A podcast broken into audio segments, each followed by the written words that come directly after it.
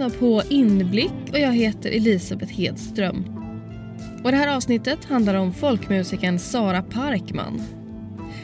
Vi kommer såklart höra några av hennes fantastiska låtar. Och dagens tema är folkmusik och religion. Tycker du att de hör ihop på något vis? Ja, det gör de väl mer eller mindre. Det är väl, de hör väl lika mycket ihop som människor och religion eller folkmusik och livet eller något. De är som inte separerade, de går hand i hand och sen ibland är de motsättningar till varandra. Att kyrkan förbjöd spelmansmusiken ett tag för det var så kopplat till alkoholism eller spriten mm. och synden. Men lika mycket så finns ju ja, folkmus gam, gamla salmer i kyrkan klingar väldigt mycket folkmusikaliska för folkmusiken är egentligen inte från början en var det ju inte en genre utan det är som en efterhandskonstruktion för att beskriva musiken som förr i tiden fanns överallt. Men om man går tillbaka till källorna så kan man väl så här kort var folkmusikbegreppet kommer ifrån. Så är det mitten på 1800-talet hade vi en stor nationalromantisk våg som sköljde över Europa. Eh, när nationerna skulle på något sätt börja marknadsföra sig som nationer. Innan hade man kanske haft mm. mer som enskild individ Eh, man, man identifierar sig med sin socken, sin by, sin stad. Men man, man var inte så mycket med sitt land. Mm. Eh, men nationsbegreppet kom att eh, befästas i Europa och då skulle man också säga hur ska vi göra för att medborgarna ska känna sig svenska eller danska eller tyska. Ja men då kan vi göra det genom kulturen. Och det finns en tysk filosof som heter Johan Gottfried von Herder som han myntar då begreppet folksjäl, folksliber. Och varje nation hade sin folksjäl och den svenska folksjälen har ju blivit då påverkad av naturen. Det var väldigt romantiskt och forsarna och skogen. Och den tyska folksjälen ser ut på det här sättet på grund av hur det har sett ut i Tyskland och så vidare. Och då började man liksom samla och teckna ner folkvisor, folkdanser, folksagor. Alltså bröderna Grimm och alla de här folksagorna. Det, det började liksom tecknas ner i samma veva. Så man vill liksom la öran mot, örat mot marken, mot allmogen, mot bönderna, landsbygdens folk. De var mer äkta till den här folksjälen. Staden mm. hade ju redan blivit förstörd. Det, det autentiska fanns ute på landsbygden. Så då skulle man liksom samla in den kulturen. Och utefter det man samlade in så fick man liksom Eh, det, här, det här är folkets kultur. Allmogens kultur. Och det man gjorde var egentligen att man bara liksom dammsugade in allt som fanns. Och så sa man det här är folkmusik. Fast det egentligen som jag sa var musiken som man använde som, som bruksmusik eller som tjusmusik eller vad som helst. Lite som att man skulle i, idag skulle gjort samma sak. Nu ska vi ha folkets själ i Sverige. Så liksom spelar man in allt som låter. Och då skulle man ju få både liksom ljudet från ett rave eller ljudet från bilstereomusiken eller träningsmusik. Och så skulle man säga att det här är svensk folkmusik. Boom, boom, dynamite Jag lovar att jag spränger bort det som gör för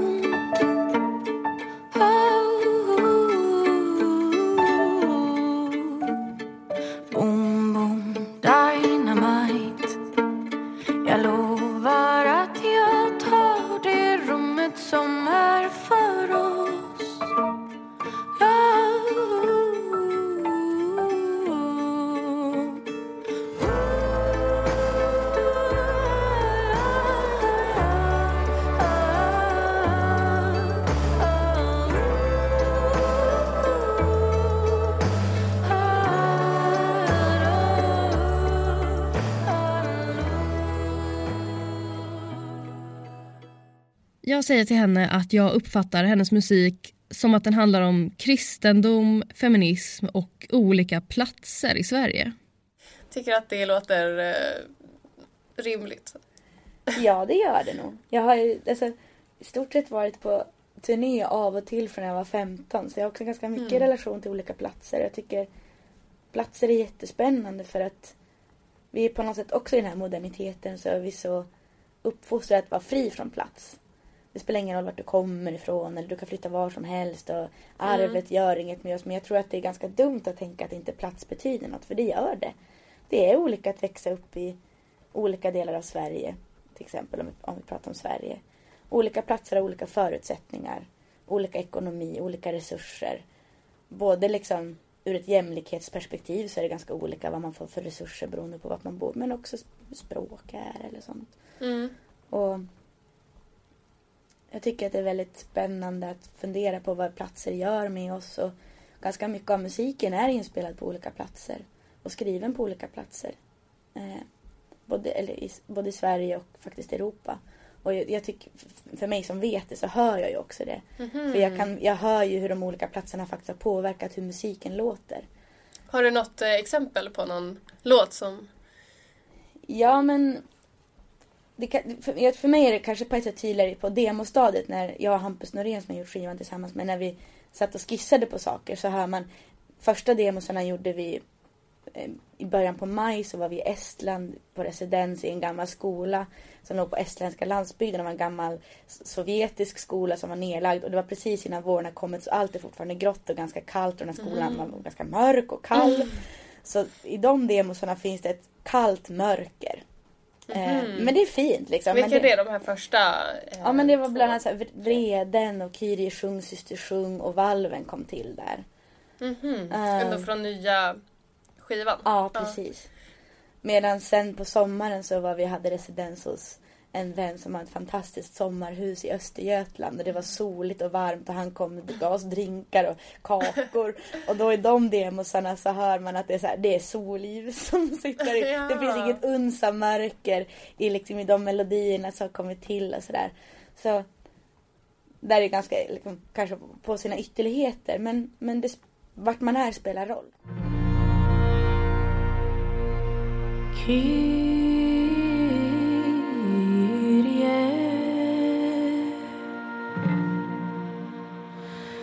Hey.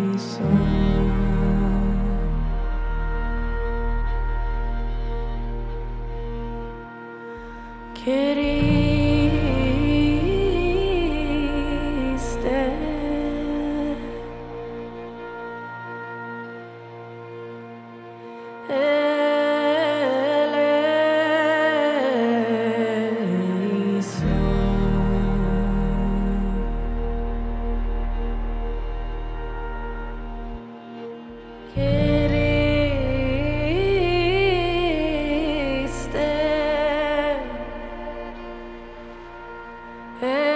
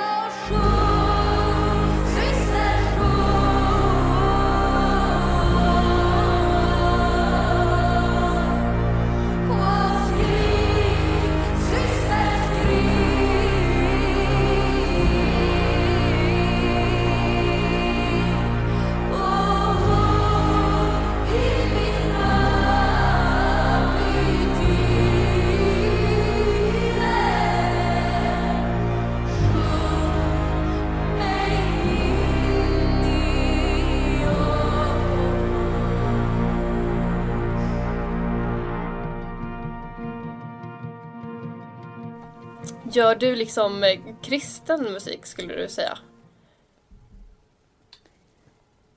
Mm. Nej. Det skulle jag nog inte säga. Nej och ja. Det beror på också vad man... Det är, det är som att man skulle säga, ja men gör du svensk musik? Eller gör du kvinnlig musik? Eller gör du feministisk musik? Det beror på hur mycket en lägger in av sin egna identitet i det man gör. Mm. Ehm, I den senaste skivan jag har gjort så har jag använt mig av kristet språk. Och, sådär. Mm. och jag har varit intresserad av den världsbilden och sådär. Men musiken har jag gjort utifrån saker som jag har tänkt på eller som, som jag har velat göra. Mm. Men på ett sätt kanske den är det och på ett sätt absolut inte. Jag vill också hålla det öppet för att mottagaren och lyssnaren ska få lägga in det man själv behöver i det. De här tre, tre sakerna som jag tyckte eh, dina låtar handlade om. Mm. Alltså feminism och eh, platser i Sverige och eh, kristendom. Är det någon av de tre grejerna som du tycker är, ja, men betyder mest för dig? Nej, det skulle jag inte säga. Jag tror att de, de tre sakerna hänger samman i eh, viljan att vilja skapa rum där den kan få existera. Oavsett vem du är. Att musiken har en möjlighet att skapa rum som inte syns men som känns. Och där, där de här olika sakerna du nämner på något sätt kan, man kan få, få känna sig trygg på olika sätt. Och ja, men varför de, de, den kristna symboliken finns med också. Jag är uppvuxen väldigt kyrkligt i Svenska kyrkan med föräldrar och far och morföräldrar som har jobbat inom kyrkan. Ehm, så det är på något sätt det språk jag har vuxit upp med och jag har använt mig av vissa melodier som är tusen år gamla och jag tycker att det är väldigt inspirerande att plocka, plocka de melodierna och göra någonting eget av det. Det handlar ju också om att knyta an till en tusenårig tradition och att Kyrkan har alltid skapat rum där vi får känna saker. Feminismen har skapat rum där vi kan få känna oss trygga. Och det här med platser och geografi är väl också någonting, viljan av att, av att se, att faktiskt se vad som finns. För vi blir ju också väldigt lätt enkelspåriga. Att ja men, det är bara i Stockholm det händer eller det är eh, ja, religion, det är bara förr i tiden som det var relevant. Vi har ingenting att hämta från det religiösa språket fast det, jag tycker att det är väldigt enkelspårigt. Så jag tycker det, det är som att de här tre sakerna har genom att vara i dem så kan jag förstå saker. Typ. Mm. Just det. Eh, men hur har det påverkat din musik tror du att du har vuxit upp så nära kyrkan? Mycket. Det är väldigt mycket musik i kyrkan. Eh, dels har du psalmsånger men sen finns också en gedigen musikalisk tradition med körer. Och, alltså, det har ju alltid skrivits så mycket musik från, i olika genrer och sådär. Och sen mm min pappa har hållit på väldigt mycket med musik och med min familj så har det varit mycket musik. Vi har sjungit mycket tillsammans och sådär. Så musiken har alltid varit närvarande och en ganska aktiv del också för att skapa gemenskap i gudstjänsten eller i mässan så har du det musiken som ett kitt för också att skapa en delaktighet och sådär. Så det har nog påverkat mig jättemycket. Och också så här rent hur det låter liksom. Det har det nog. Och det är ofta svårt att höra sina egna referenser. Eh, men det tror jag absolut. För när, när, när den sitter och skriver musik så på något sätt studsar man till sitt egna referensbibliotek. Vad det där låter bra. Och så varför man tycker att något låter bra är inte så lätt att förstå i stunden. Men i efterhand kan man säga just det för att det påminner om det där. Och det kan ju vara något man har hört när man var fem. Mm. Eh, mm. Så det tror jag säkert att det har gjort. Eh, och hur melodier är uppbyggda kan säkert påminna om vissa psalmstrukturer eller ja, men ja.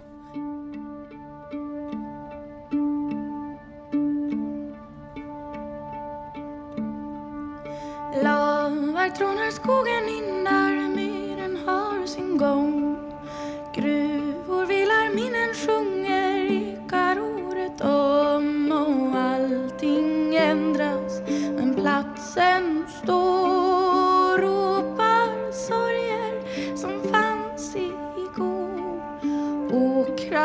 torka och ängen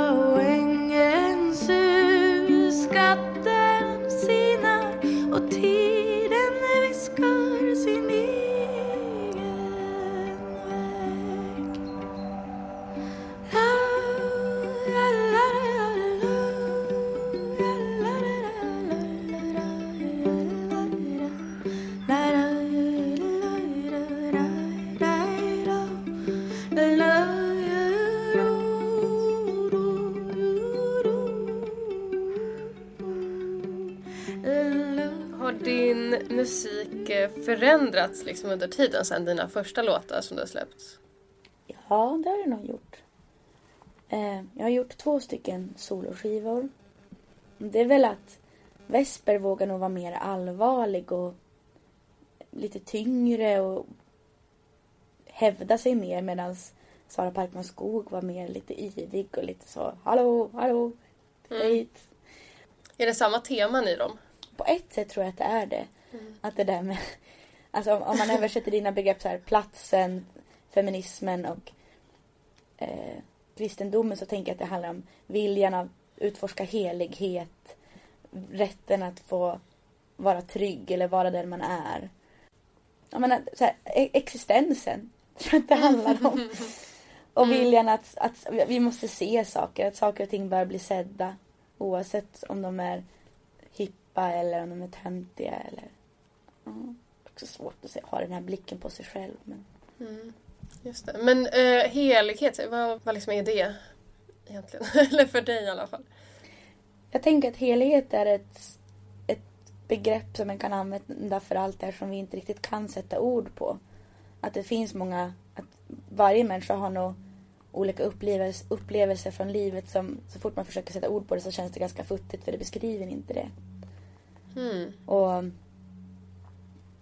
ja men allt det där obeskrivliga. Man kan uppleva det genom musik. Man kan uppleva det genom sin tro. Genom möten med andra människor. Genom att vara i skogen. Att de här skärvorna när det glittrar till. Där faktiskt livet känns ganska fantastiskt. Mm. Och det tror jag att alla människor upplever mer eller mindre. Ehm, Mm. Ja, där det liksom inte bara är en sträcka mellan födelse och död utan det är också någonting annat. Skulle du säga att du är konservativ på något sätt? Eller, eller mer så här modern eh, i din religion just? Ehm, nej, jag är nog inte speciellt konservativ tror jag. Eller smyg kanske. Och sen är min religion eller min tro, den är som ganska privat. Den är som mitt, mitt egna rum. Men ja, på ett sätt kanske jag är konservativ. Fast nej, nej det är jag nog inte. Var din eh, uppväxt eh, så väldigt öppen? Det- det? Den, min uppväxt var, ja det kan man nog säga som ganska liberalt på ett sätt. Alltså föräldrar som, vi var inte, vi var inte tvingade att gå i kyrkan men däremot så var de inte heller så här att de inte pratade om sin tro utan vi gick ju i kyrkan för att annars skulle vi behöva fixa ett barnvakt. Mm. För Eh. båda dina föräldrar jobbade i kyrkan? Ja, I Svenska kyrkan? mm. Alltså Svenska kyrkan i sig är ganska liberal och ganska politisk. Jag upplever båda mina föräldrar som ganska vänster fast de aldrig uttrycker sig riktigt så. Eller min mamma gör det men pappa är nog, röstar nog säkert borgerligt men i sin praktik upplever jag att han är väldigt vänster. Mm. Mycket tal om så här solidaritetsbegrepp och att Mm. ja, dela med sig och människor har kommit och bott hos oss som kanske inte haft något annat boende och sådär. Just det. Det var ganska aktivistiskt. Mm.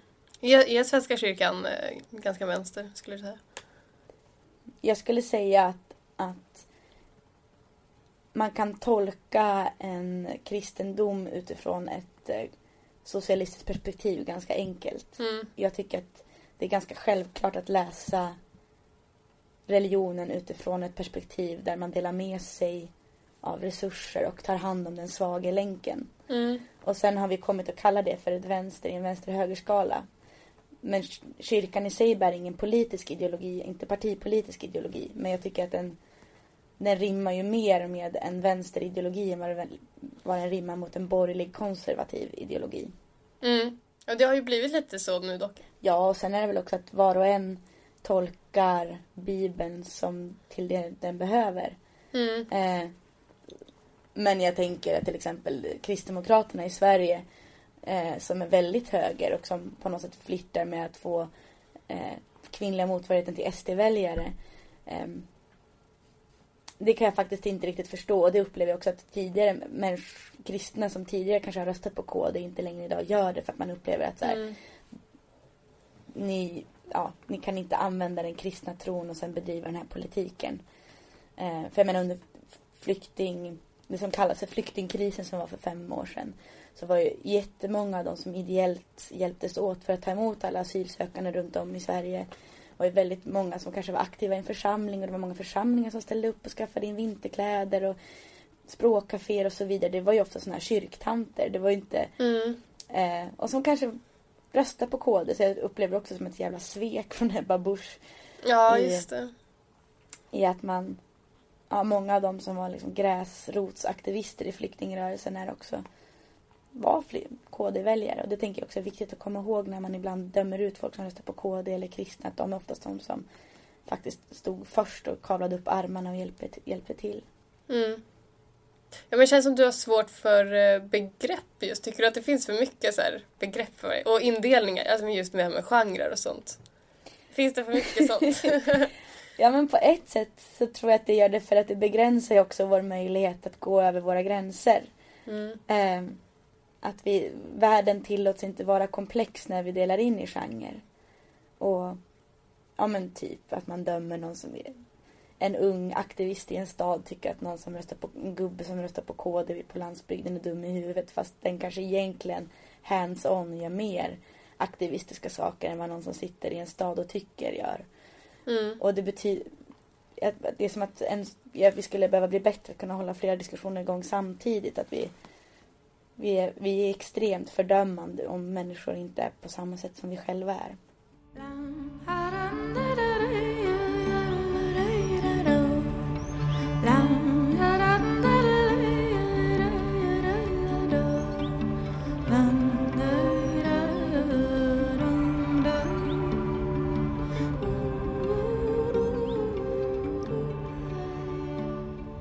Vi kommer såklart in lite på corona och jag frågar hur hon tror att kulturvärlden kommer kunna repa sig. Jag tror att det kommer påverka ganska hårt. För att det, kulturlivet är redan så hårt ekonomiskt ansatt. Ehm, med ja, så här, tajt ekonomiskt. Och Mm. ekonomi i vår kapitalistiska värld så är det det som på något sätt skapar förutsättningar för människor att kunna hålla på. Så jag tror att vissa spelställen och sånt kommer försvinna, vissa kommer byta jobb och så vidare. Och det finns en risk att på något sätt Spotify som så här monopol, kapital, drak, as, Mm. svin får ännu mera makt. Och samtidigt så, så det går att vara ganska cynisk och så här, men det kommer faktiskt braka ihop. Men om det gör det så tror jag att det också kommer komma kom någonting, det kommer också komma saker som är bra ur det. Mm. Jag hoppas att det, jag upplever en ganska stark kollegial stämning mellan musiker. Att man hjälps åt och att det kanske kommer komma mindre initiativ. Att det på något sätt pånyttföds mindre klubbar, mindre sammanhang för att Ja, och att ur det så kommer det skapa saker.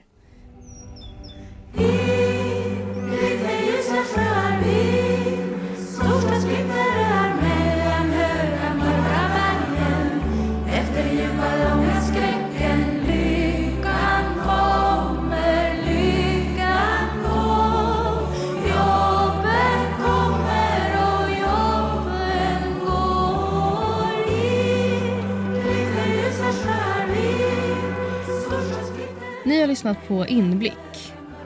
Låtarna vi hörde var Kyrie, Sjung syster sjung, Dynamite och Ingmaris vals av Sara Parkman.